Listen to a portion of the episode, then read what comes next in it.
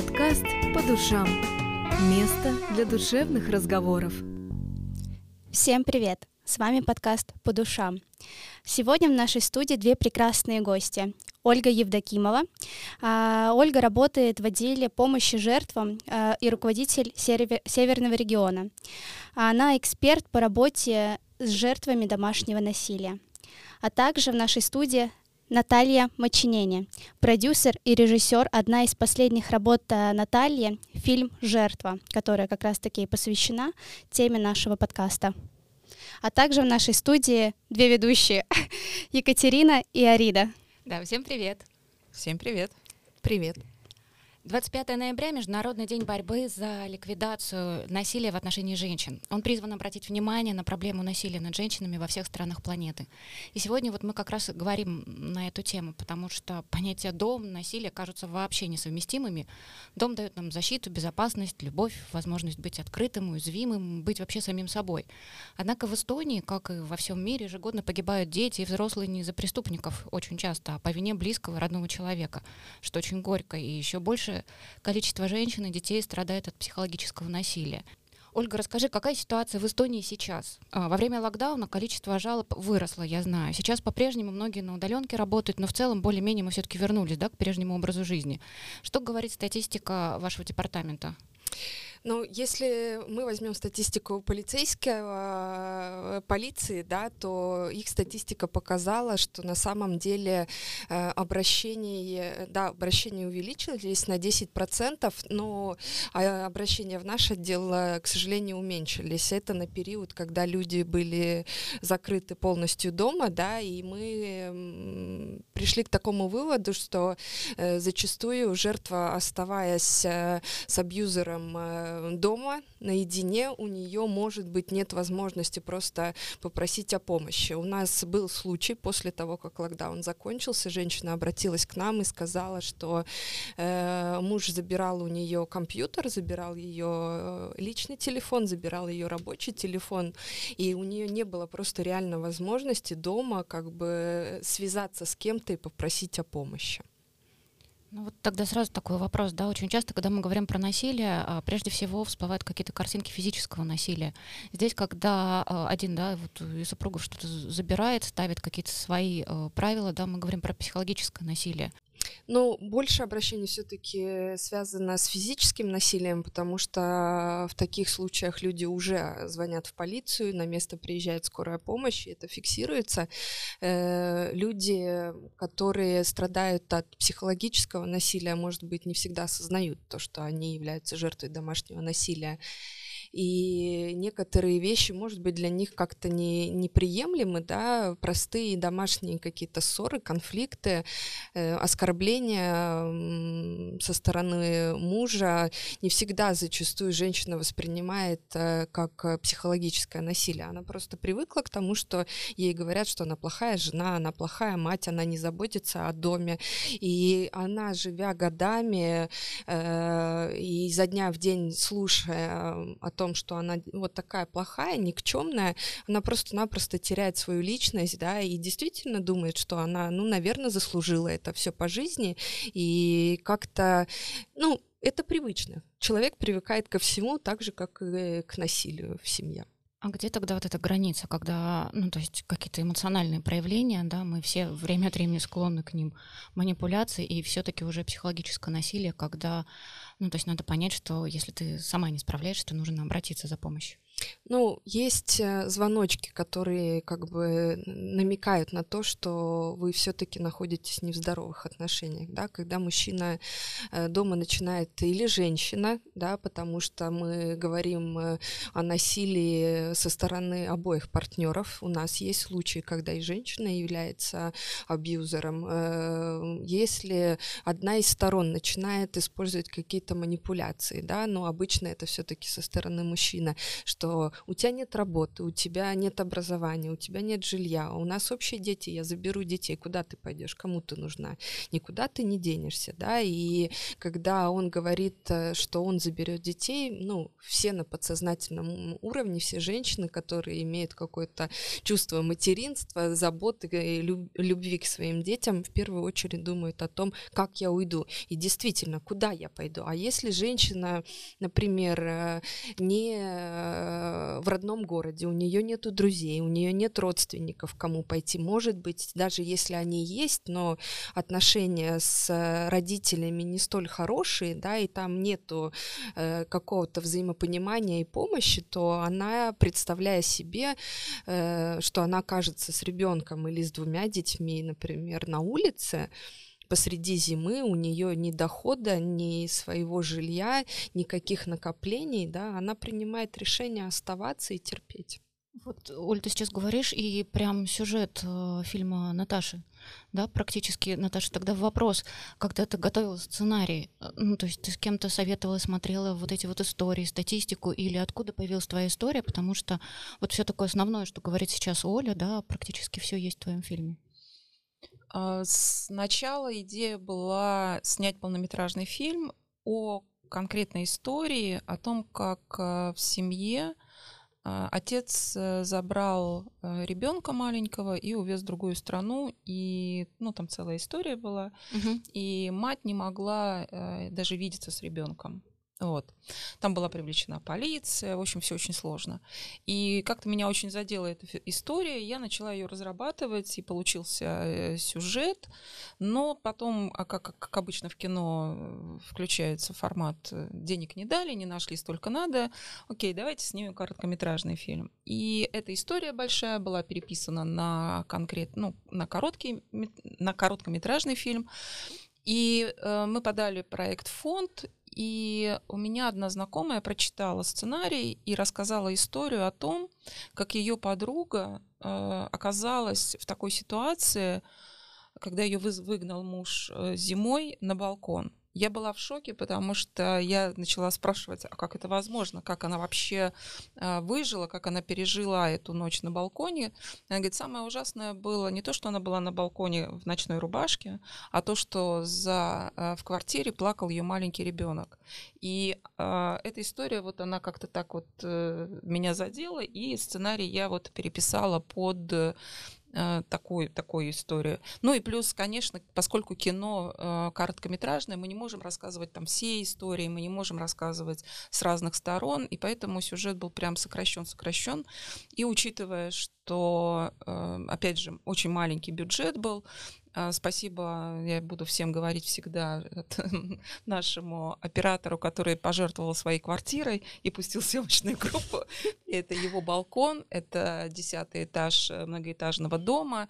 И вот как-то так все совпало, что и локация, и героиня, и так как мы это сняли, вот она отражается в итоге, вот фильм получился таким, э, ну вот зрителем, который воспри- воспринимает. Вот. Но он очень эмоциональный получился. Я когда смотрела, у меня прям внутри все так кипело, Спасибо. я не понимала, почему, как вообще такое может происходить. Одно дело, я очень много слышу истории о том, что муж э, применяет либо физическое, либо психическое, психологическое насилие. Но больше всего меня удивляет вот это отношение родителя к своему ребенку. Ну не бьет же, что ты жалуешься? Все у тебя хорошо, ребенок, квартира, все есть сиди, молчи. То есть, мне кажется, тут тоже как-то взаимосвязано отношение семейное ее, откуда она выросла, и почему она терпит от мужа. Uh-huh. То есть это как-то взаимосвязано. То есть по отношению с, от родителей она тоже, скорее всего, терпела какие-то унижения, какое-то ограничение, непонимание, и теперь она перешла в отношения уже со своим мужем и также там продолжает терпеть. Но вот как эту вообще, как вообще прервать вот эту вот цепочку неудачных, абьюзивных отношений. Как это сделать? К сожалению, да, имеет место быть э, такие вещи, что женщина, которая, может быть, в детстве росла в таких отношениях и со стороны видела э, своих родителей именно вот в таких э, Э, насильственных отношениях, да, э, в будущем выбирает себе э, мужчину, очень похожего на, на своего отца. И, в принципе, когда к ней, с ней вот обращаются так, как в фильме Наталья было, да, сначала это как-то нормально воспринимается и, может быть, вообще берется за норму, да, и моя практика показывает, что мужчины, которые, например, когда я делаю передачи на радио, звонят и говорят, что «а мой отец тоже себя так вел, почему я не могу себя так вести?» да? Меня я видел, и было все хорошо, мама слушалась, и, и мы к этому привыкли, почему так нельзя? Да? И э, когда ты пытаешься об, объяснить то, что на самом деле э, в первую очередь, конечно же, страдает в этих отношениях физически и морально женщина, но в них страдают дети, потому что дети не вырастают с нормальной психикой, постоянно находясь э, и видя, как э, один родитель, э, например, избивает или унижает другого, потому что, ну, дети вырастают, и подростки зачастую уже в подростковом возрасте тоже перенимают такое же поведение, когда они, в принципе, можешь, могут маме сказать, что, ну, тебя сейчас никто не спрашивал, ты вообще молчи, да, потому что они это видели на протяжении своих 15 лет. Но мне кажется, э, надо затронуть еще одну тему. Э, если мы говорим о маме, мы ее называли «мама в голове», mm-hmm. о том, что мама героини, э, да, это одна модель, а мама в голове героя — это другая модель. И он же тоже жертва, он же тоже, вот когда мы работали на площадке с актерами, Артем Гореев говорил, ну вот научила его читать книги, научила там быть успешным, но не научила а, относиться а, ну, по-другому к своей жене, да, то есть вот эта вот мама в голове, это тоже такая линия в фильме, она, в общем, родилась отчасти случайно, вот, а с другой стороны, она сыграла как раз, э, вот та была точка, когда это, это цепляет очень сильно, потому что помимо э, абьюзивных отношений в, в, ну, между мужчиной и женщиной э, очень много э, людей, женщин и мужчин э, выросли в абьюзе родителей. И вот это тоже большая такая... То есть принято говорить, что если проблема в семье, то это вот мужчина-женщина. На самом деле абьюзивные отношения, они такие широкие и большие, что иногда становится страшно, как ну вот мы живем, когда мы работали еще над сценарием, я э, прочитала такую мысль, что мы сами абьюзеры каких-то других э, людей. И вот от этого стало еще так немножечко для себя неприятно, потому что я начала себя ловить тоже на каких-то словах, высказываниях, что как-то я тоже иногда не идеально. Но... Все мы не идеальны. Да, но, и может быть именно вот эм, хотелось бы подтолкнуть, э, может быть, зрителей к, так, к такой модели, чтобы осознанно относиться к своим словам и к тем, кто с тобой рядом. И, может быть, только тогда можно изменить э, вот эту цепочку, э, модель родителей, твоя модель э, и, и дети. Оль, а, а есть вот э, ну, какой-то сдвиг в этом плане, потому что понятно, что все передается из поколения в поколение, да, но так много сейчас литературы, так много мы говорим и стараемся в детях воспитывать критическое мышление, да, то есть вот прям это критическое мышление, оно везде.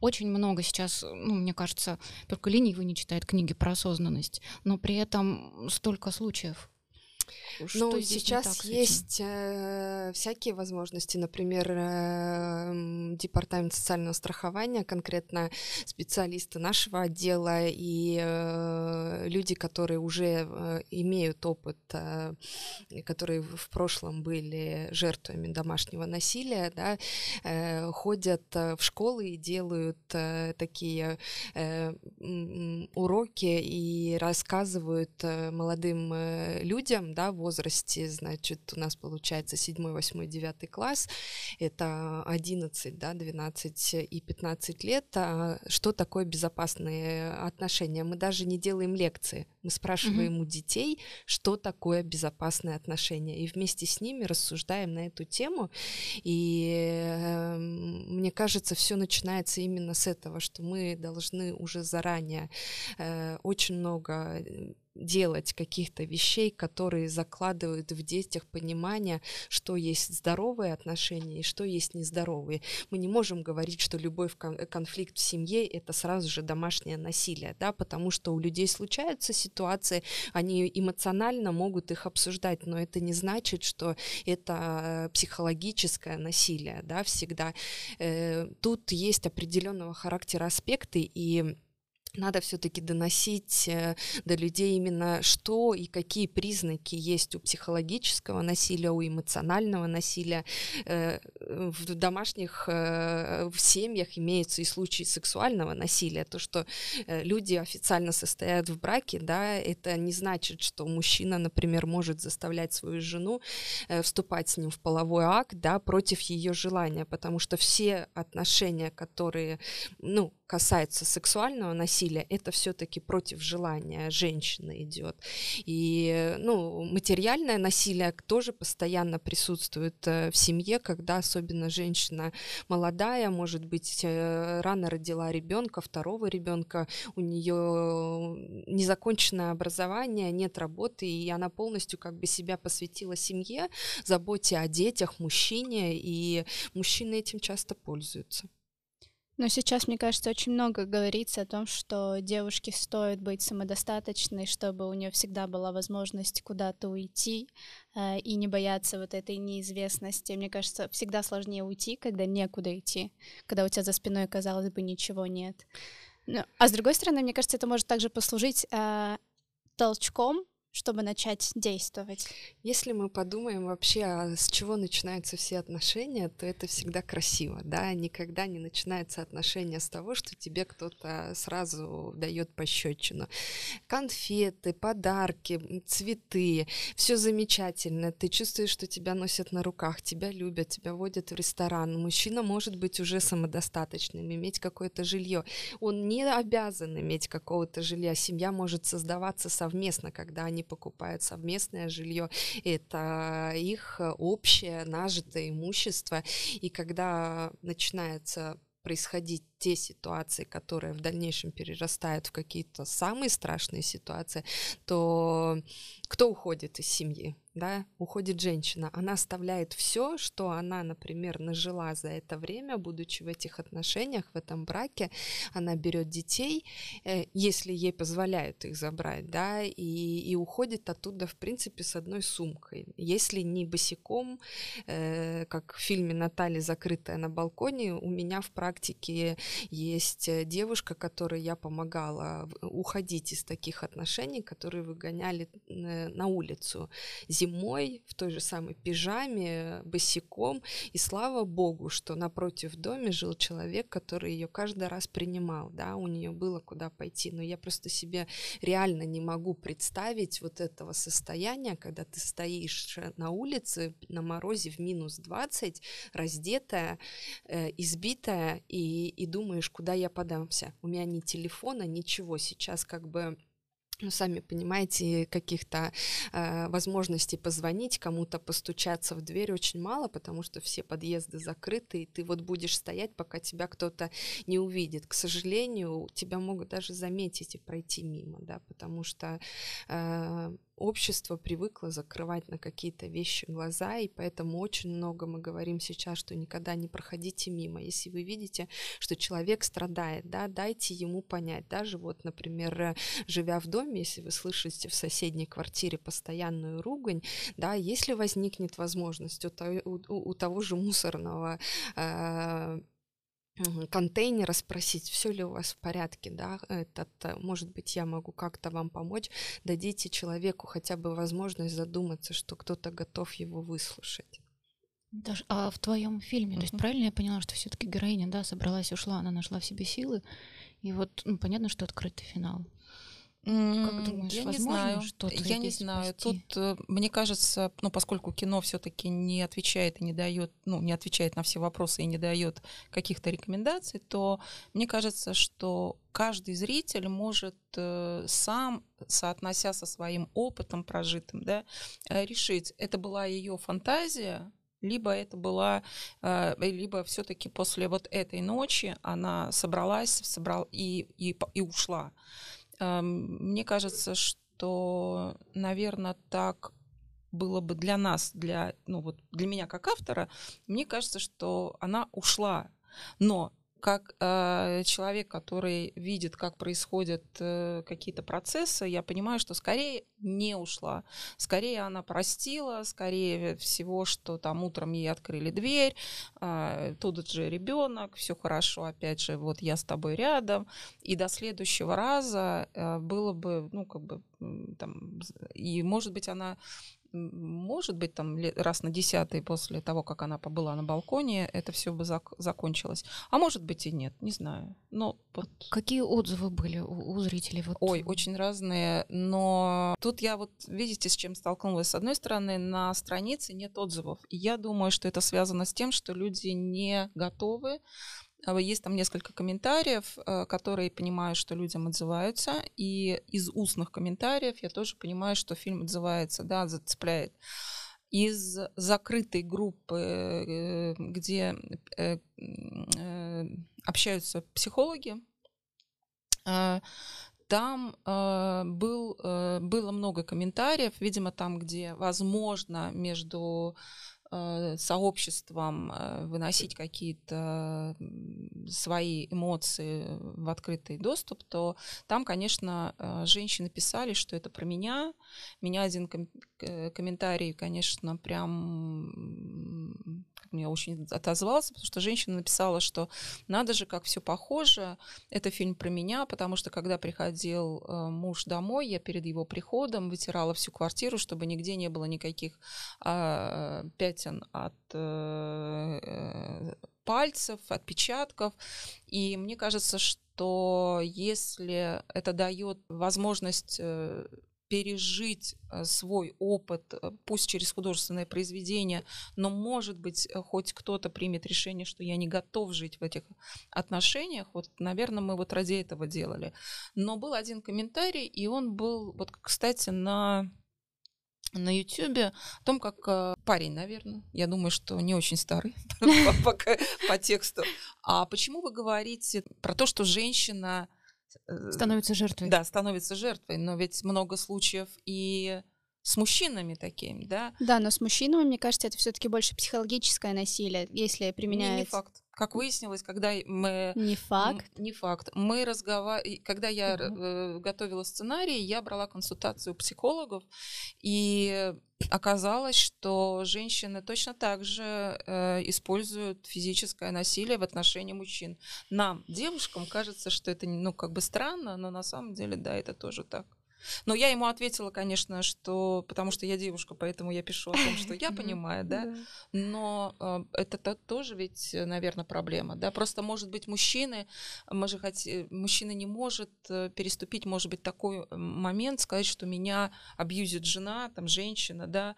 И тут, наверное, другая, другой есть еще аспект э, вот в этих отношениях. Знаете, сейчас вот, Оль, да, Оль, ты сейчас расскажешь, я просто вспомнила, что во времена Средневековья, когда был суд, женщина могла обратиться и сказать, что там меня бьет муж, да, и тогда по отношению к мужу что-то предпринималось. А если муж говорил, что меня бьет жена, то его к позорному столбу, да, и он там стоял. Ну, то есть, чтобы не показывал пример, что он вот так может. То есть это вот еще с каких времен, да, все пошло. К сожалению, да, обращений конкретно в наш отдел за помощью или звонков на наш э, кризисный телефон, да, который круглосуточно работает, э, э, со стороны мужчин э, очень мало. У меня в практике один случай, который я занималась, да, здесь женщина действительно как бы уже нападала и, и била своего мужа, но эм, я скажу так, она имела серьезную алкогольную зависимость, да, и я не могу сказать, что она, ну, все эти случаи были конкретно в те моменты, когда она была очень-очень пьяная, да, и этот, но э, мужчины зачастую становятся все-таки жертвами психологического насилия, конечно же, они не придут, им очень сложно переступить э, через себя и прийти сказать, что вот у меня такая ситуация, да, и, ну, кто-то скажет слабохарактерный, или та же жена сам, сама скажет, э, что ты слабохарактерный, ты пошел куда-то за помощью или какие-то такие моменты. Но у нас есть услуга и для людей, которые хотят отказаться от э, насильственного поведения, да, и знаете, что туда обращаются женщины. Э, и мы были тоже действительно очень удивлены тому количеству, сколько обратилось женщин туда на, на данную услугу, потому что ну, оно, произошло, произошло то количество мужчин, которые обращаются к нам, да, поэтому я думаю, что имеет место быть, просто э, женщина больше задумывается о том, что веду ли я себя правильно или неправильно. Я не могу утверждать, что женщина была, э, использовала насилие по отношению к мужу, может быть, это были те женщины, которые чувствуют, что они причиняют боль своим детям, например, да, и искали помощи, да, это тоже возможно. Но эти случаи имеются. Это консультации или какие-то группы? Это консультация. Э, у нас есть э, линия, да, туда можно позвонить и договориться о встрече с нашим э, консультантом.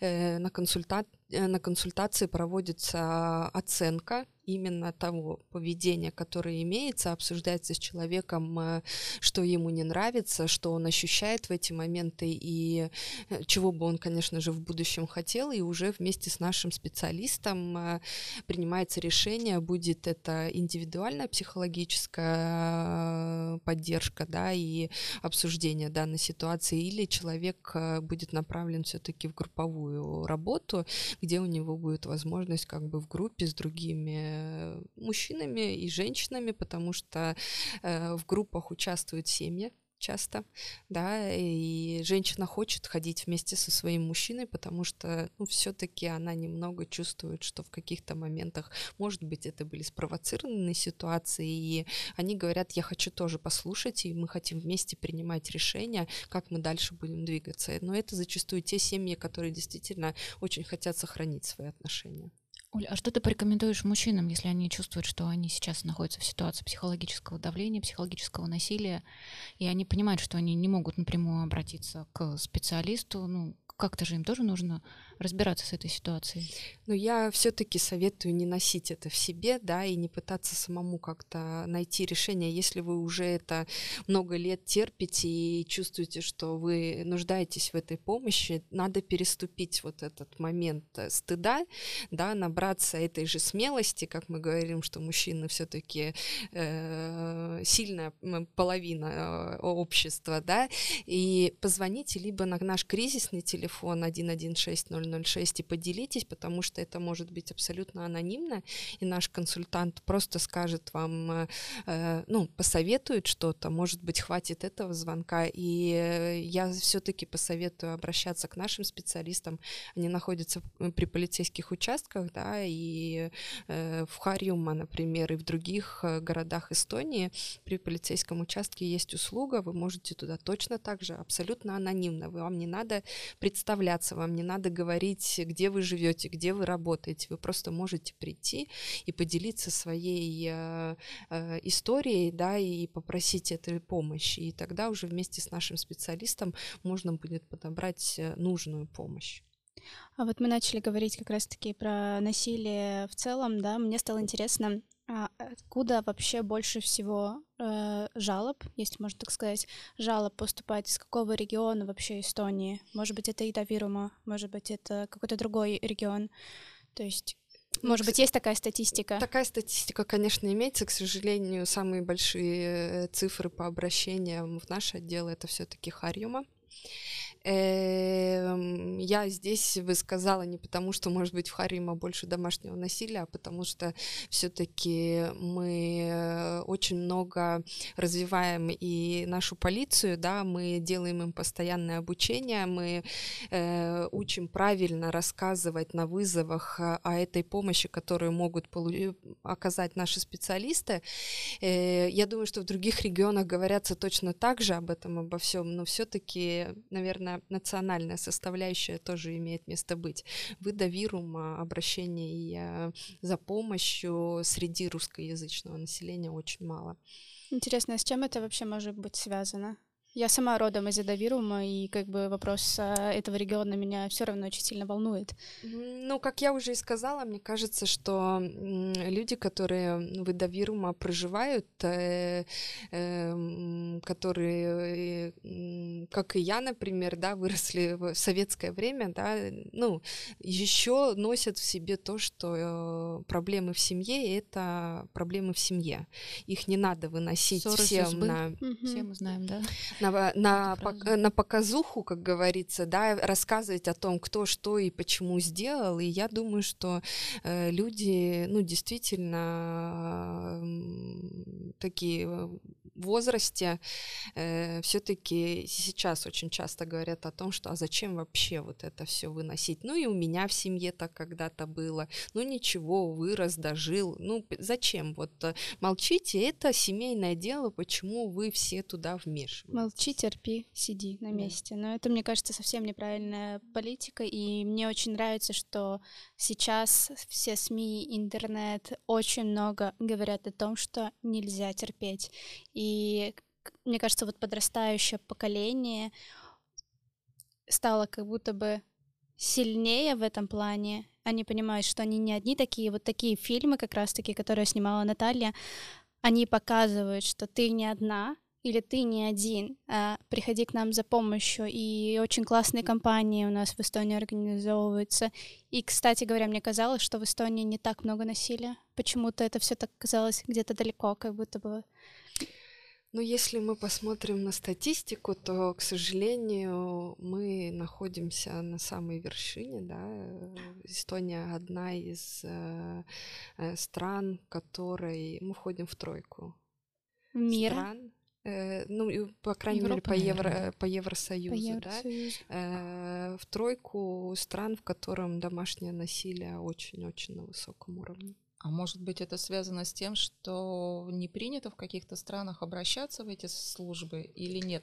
Э, ну, если мы возьмем Скандинавию, да, подумаем о Финляндии, Швеции, Норвегии, то там э, вообще очень эта вся система очень строго, да. Если мы а, возьмем угу. детскую защиту, если в семье происходят постоянные ссоры, то там э, соседи сразу же вмешиваются. Кто-то что-то увидел, услышал, какое-либо неправильное отношение, об этом сразу же сообщается. И я думаю, цель этого обращения за, э, как бы в органы детской защиты или в полицию не состоит в том, чтобы на кого-то там э, пожаловаться, а просто сказать, что в этой семье э, есть проблемы и там нужна помощь, да, и если наши люди бы тоже обращали внимание, не закрывали э, уши или не стеснялись этой темы, да, не стеснялись хотя бы поинтересоваться, да, о том, как и, и почему, да, или, ну, хотя бы сообщать э, анонимно, да. Я всегда говорю, что,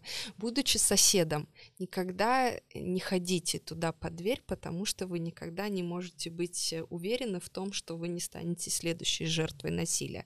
Дверь может открыться, и оттуда можно спокойно получить удар кулаком в лицо.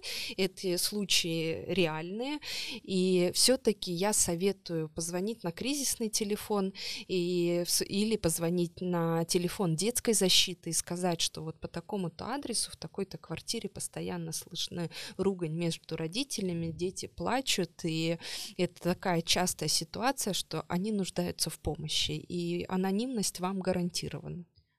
Психологическое давление, да, психологическое насилие. То есть оно рано или поздно все равно же приходит к тому, что в какой-то эмоциональный момент жертва все-таки готова дать отпор. Вот можно, да, как э, в фильме у Наташи, я так понимаю, что это все равно, конечно, фантазии были, да, в голове у героини, когда да, она конечно. там с ножом готова. То есть понятно, что, скорее всего, она не решится, но я так понимаю, есть ситуации, когда женщина уже просто не может терпеть, либо уже в состоянии Точка аффекта да, набрасывается. Вот, э, и тогда кто жертва становится, и кто в этом виноват? Но когда вот э, я работала над сценарием, а, ну, немножко так, мы так немножечко, все уже очень все сложный, серьезный разговор, немножечко вас повеселю. Давайте. Потому что, а, когда я работала над сценарием, я решила спросить у своих э, подписчиков, там, у своих друзей в Фейсбуке, скажите, какие способы есть убийства мужа? И женщины накидали очень много способов. Э, частично что-то мы взяли в фильм, что-то нельзя было снять, но был один комментарий мужчины, который написал, надо же, я теперь боюсь домой приходить к жене. Вот, конечно, это, в этом есть некий э, юмор, но это тоже дает такую интересную картину, что такое количество обратной связи я редко собираю на своих страницах. Но тут женщины с удовольствием поделились, и на первом месте был способ грибы. Грибы. А, ну да, первая фантазия как раз-таки да. была. Да, да, да, грибы. грибы. А, вот. И, конечно, мы, ну, можно шутить по этому поводу, но с другой стороны, а, по каким-то комментариям было понятно, что если кто-то не задумывался хотя бы один раз в жизни, ну, это хорошо, наверное, как-то задумывали. На самом деле, мне кажется, что она бы, ну, героиня не переступила тот э, момент, когда она возьмет нож, да, но с другой стороны, если это будет десятый раз, может быть, и возьмет когда я изучала материал по этой теме, оказалось э, очень много а, случаев, ну да, если забить в интернете и посмотреть сколько, это разные способы убийства. Это когда э, именно когда женщина не может терпеть и когда э, уже это последняя точка но их все равно осуждают, и они все равно э, ну, как несут бы, наказание. Несут наказание. Да. Когда женщина долгие годы, например, э, подвергается эмоциональному насилию, может быть, какие-то разы физическому насилию, да, то в конце концов она э, просто начинает отвечать, да, уже на любое слово, которое сказано в ее сторону, или, например, э, ну, одна история, когда женщина ударила а, мужа кружкой по голове, э, при этом присутствовали соседи, как бы они пришли в гости, и мужчина при них, не стесняясь, как бы начал унижать женщину, да, она просто взяла кружку, ну, она у нее была реально в руке, потому что она пила чай, и она просто развернулась и этой кружкой э, зашвырнула ему в голову, и, к сожалению, наше законодательство таково, что никто, так сказать, не стал разбираться в начальной причине этого поведения. Да? Она по закону нарушила, значит, Э, закон и применила физическое насилие к другому человеку, это у нас запрещено, и, соответственно, было открыто уголовное дело. Э, такие дела до суда обычно не доходят, да, когда избиение не сильное, э, и обе стороны согласны, например, пройти процесс примирения, угу. или у прокурора есть возможность закрыть уголовное дело оппортунитетов, назначив какое-либо другое наказание э, виновному, ну, будь то штраф или общественно полезные работы, или посещение какой-то группы для людей, использующих насилие, э, их направляют туда потому что в суд все-таки попадают случаи, которые уже очень-очень такие жестокие бывают. Э, и в этом случае, к сожалению, как я уже ранее сказала, что никто не, раз, не разбирался в начальной причине, да, что на самом деле много лет э, женщина подвергалась э, моральному насилию, ну, под конец уже физическому насилию, и все-таки у нее сдали нервы, и она больше не могла этого терпеть. А если мы не доходим вот до этой критической точки, но у женщины уже возникает желание обратиться за помощью, то как вообще э, наш закон может нас спасти. Потому что, допустим, если в Америке мы говорим, есть закон о неприближении, когда судом постановлено, э, что человек не имеет права приближаться на определенное количество э, на определенное расстояние. Как у нас в Эстонии какие-то есть э, такие методы предотвращения беды, я бы так сказала.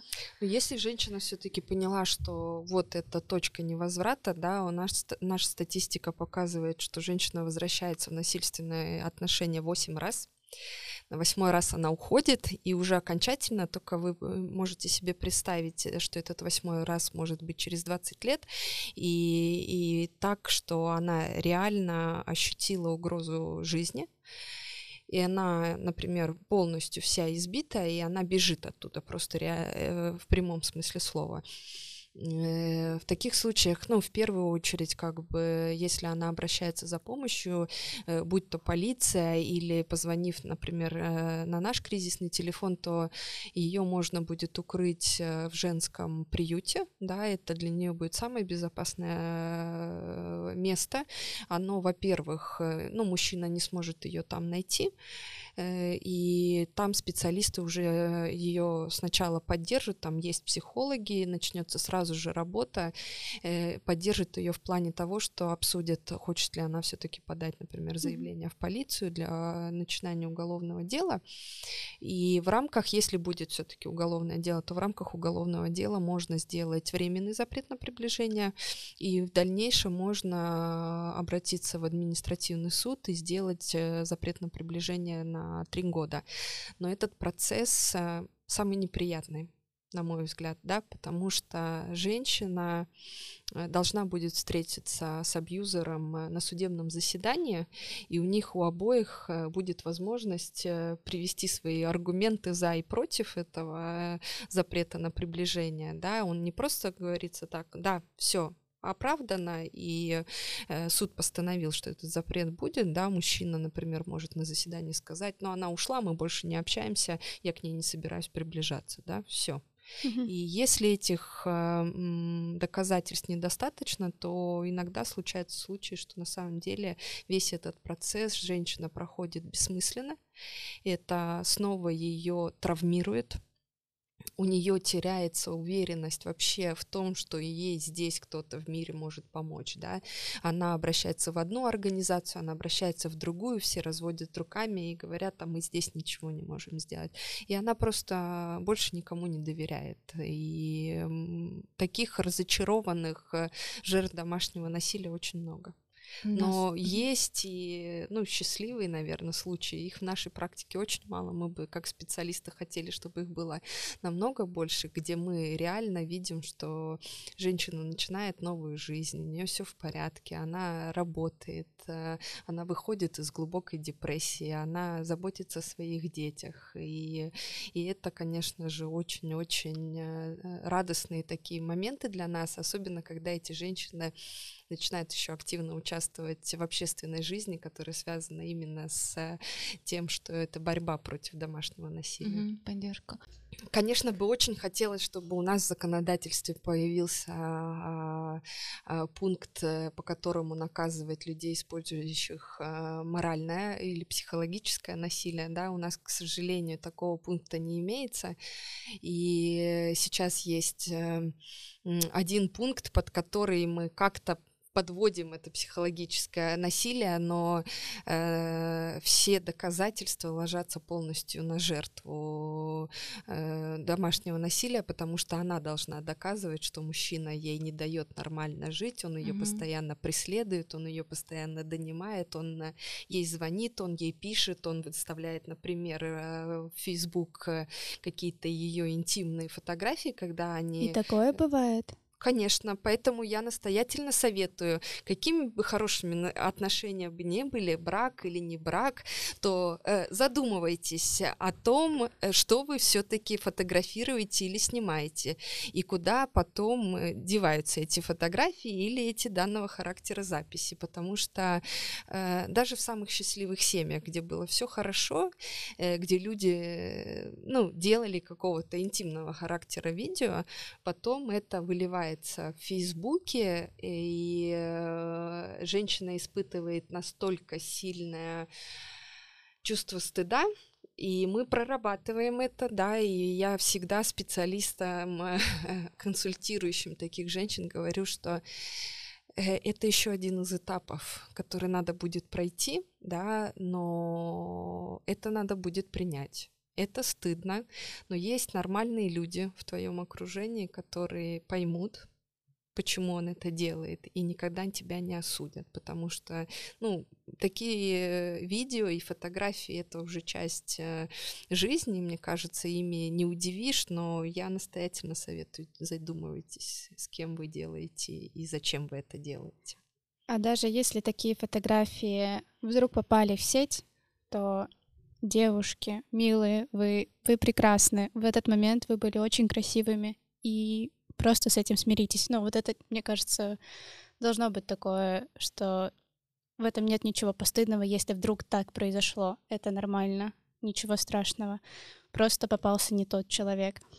Наталья, скажите, пожалуйста, вы в будущем планируете еще снимать фильмы на тему домашнего насилия? Или, может быть, уже есть какие-то идеи и проекты, которые в процессе находятся? Ну, про домашнее насилие, наверное, нет, э, в силу разных причин. Но мне мы работаем сейчас над э, еще над одним короткометражным фильмом, и там э, главная тема это путь героини. Это тоже женская тема, это тоже история про девушку. Э, взяли мы за основу сказку эстонскую о том, как смерть становится женщиной, mm-hmm. становится человеком, остается жить на земле. И там тоже такой, такой путь героини, которая преодолевает э, связь э, с отцом, э, Ванатат, и уходит из семьи. Она очень такая архетипичная история и говорит о том, что как, ну, поскольку, опять же, я девочка, я говорю про, дев, про женские истории, когда героиня уходит из семьи, из той там из тех привычных правил она выбирает другую жизнь, хоть ей и страшно, но она преодолевает это, э, этот страх и э, идет жить э, там, где ей больше нравится. Ну, это для, про, тоже про нашу жизнь. Ее, конечно, Ванатат не, не, не абьюзит, но для нас, для девочек, мне кажется, тоже важно найти вот этот вот свой путь, свое место, и даже не в том смысле, чтобы зависеть от мужчин, а в том смысле, чтобы реализовать свои Э, потребности, возможности, мечты и жить независимо, и чтобы не попасть вот в эти абьюзивные отношения, когда кто-то тебе скажет, что ну а что ты делаешь тут своих кукол, да, вот как в фильме, да, э, я зарабатываю деньги, иди убирай квартиру, твои куклы ничего не значат. То есть твое творчество, то, что ты хочешь делать, э, это запрет. А, поэтому вот в новый фильм опять мы хотим исследовать вот этот вот путь героини, как уйти из э, старого, как прийти в новое. И пока ты не пройдешь э, в темный лес, ты не поймешь, э, что для тебя важно. Вот, наверное, вот про это будет фильм. Оля, а можно тогда попрошу, как раз вот раз мы заговорили про то, как выйти из старого, да, и прийти к новому, вот прям как на уровне 1, 2, 3, самые главные рекомендации. Если, а, я даже не хочу, наверное, сейчас говорить женщина, просто, да, да. человек чувствует себя, что он в ситуации э, психологического насилия, что нужно сделать, на что обратить внимание? На раз, два, три очень сложно было бы намного проще, если бы это дело касалось физического насилия, да, я бы сказала, соберите дежурную сумку для себя и детей и договоритесь либо со своими родственниками, либо заранее уже сохраните себе в телефон номер женского приюта, чтобы в любой момент у вас э, была. И также там же в этой же дежурной сумке должен быть еще один запасной телефон с этим номером, куда можно в любой момент позвонить, потому что, ну, зачастую телефонные э, ключи от машины забираются, да, и бежать придется вот, э, ну, с чем есть. Если мы говорим о психологическом насилии, я все-таки советую задуматься как бы о том, что хотите ли вы продолжать э, эти отношения, И если вы чувствуете, что э, вы действительно несчастливы, да, что вам больно от того, что вам говорят или как к вам относятся, то все-таки, э, что бы вы ни пытались сделать для этого мужчины, или чтобы это же, этот мужчина не пытался сделать для своей женщины, как бы он бы ее не любил, и она, ну, не начала бы, и не ждал того, что она начнет это ценить, да, все-таки надо задумываться о том, что есть ли в этих отношениях счастливый конец. И психологическое насилие это очень э, сложно. Я советую все-таки, может быть, немножко почитать что-то. Очень есть информативно в Фейсбуке группа э, «Не молчи», Э, русскоязычная, там э, есть э, признаки психологического и эмоционального насилия, прям по пунктам вынесены, mm-hmm. да, и можно прям галочками отмечать, подхожу я под это или не подхожу. И если вы чувствуете, что там все-таки преобладает психологическое насилие или моральное насилие, то, ну, ищите помощь, да, обращайтесь к специалистам или все-таки принимайте самостоятельно это решение. Конечно же, женщина, которая замужем, у которой имеет детей, э, обрадовать мне ее нечем, да, я всегда говорю женщинам, которые к нам обращаются, что будет очень сложно, станет еще хуже и сложнее, потому что э, придется преодолеть определенный этап и этап, э, например, опять же стыда, когда придется просить помощи у местного самоуправления, да, чтобы помогли с жильем.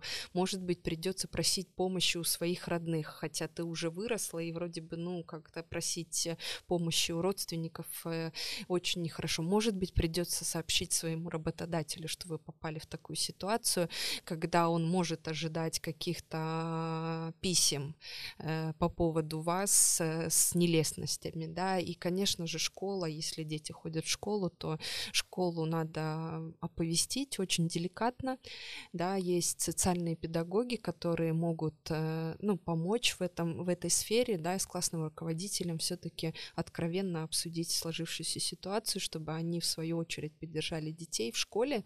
И если будут возникать какие-то проблемы с обучением у детей, отставать от развития, то, ну, и этому будут э, больше как бы уделять внимание. И приходите за помощью, да, не стесняйтесь обращаться, никто вас не обязывает э, после данной консультации прийти домой, собрать вещи и уйти, хотя бы со специалистом обсудить э, э, план безопасности. Мы обычно составляем такие планы для человека, который к нам обращается, mm-hmm. да, у нее свой план безопасности, у нас свой план безопасности, потому что если мы знаем, что в семье дети, и дети тоже подвергаются насилию, то мы э, не можем оставать, оставить это без внимания, и со своей стороны мы все-таки должны э, вместе с полицией и детской защитой предпринять какие-то шаги, чтобы помочь этой семье. А можно я добавлю? Да, да, конечно. Потому что а, а, прозвучала фраза «будет тяжело», но э, мне кажется, надо добавить обязательно фразу, что потом через вот это тяжело будет э, все-таки освобождение, и будет новый мир, и будет все хорошо. Э, да, читайте, может быть, какие-то очень много статей, позитивных статей было, да, от жертв домашнего насилия за этот год, когда они реально писали о том, что преодолев вот этот э, момент, вот эту всю тяжесть э, этого всего, они счастливы. Они счастливы за себя, они счастливы за своих детей, которые будут жить э, без насилия. Главное, чтобы никто не оставался без поддержки. Один и... на один со своей проблемой. Да, э, дорогие слушатели, знайте о том, что есть места, куда можно обратиться, если вы являетесь свидетелем какого-то психологического или э, физического насилия своих знакомых, подруг, или же просто незнакомого человека вы начинаете замечать э, странное поведение в их семье. Э, не оставайтесь в стороне.